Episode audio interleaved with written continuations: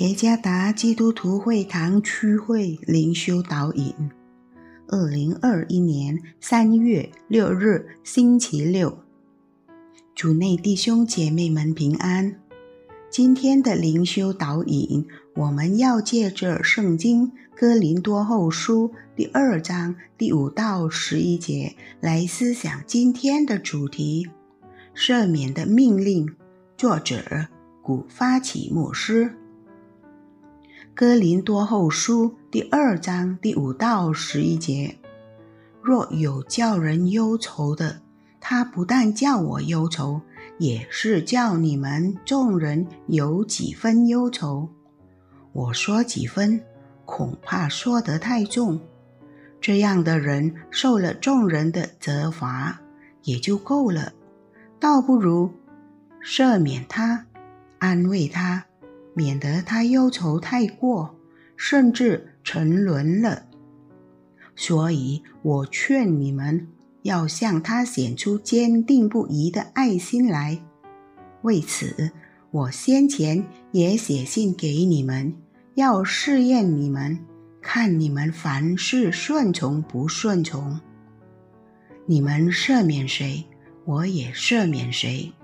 我若有所赦免的，是在基督面前为你们赦免的，免得撒旦趁着机会胜过我们，因我们并非不晓得他的诡计。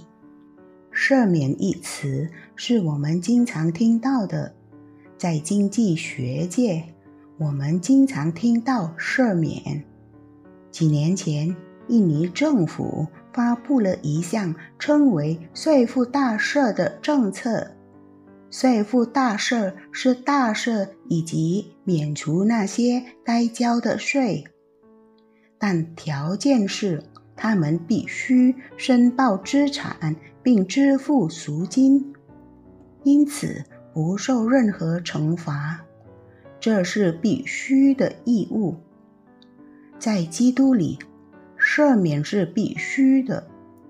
在哥林多教会中，有些人因他们的行为叫人忧愁。第五节，他们的行为损害并困扰了许多人。其实，他们已透过兄弟们受到了道德惩罚。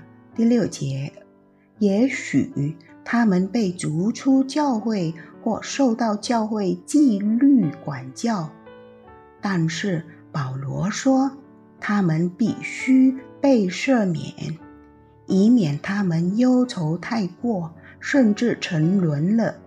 第七节，这是明确的命令。第八和第十节，这些人需要受怜悯，他们必须蒙赦免。我们周围有许多人做过伤害我们或多人的恶事，其实，也许他们已经受到教会或许多人的道德惩罚。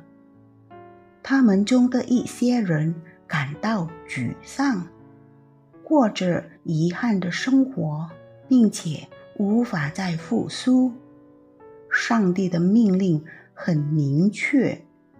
爱并赦免他们，让我们在我们的群体以及我们的家庭中活出并实践上帝这部分圣言吧。赦免是必须的。主耶稣赐福。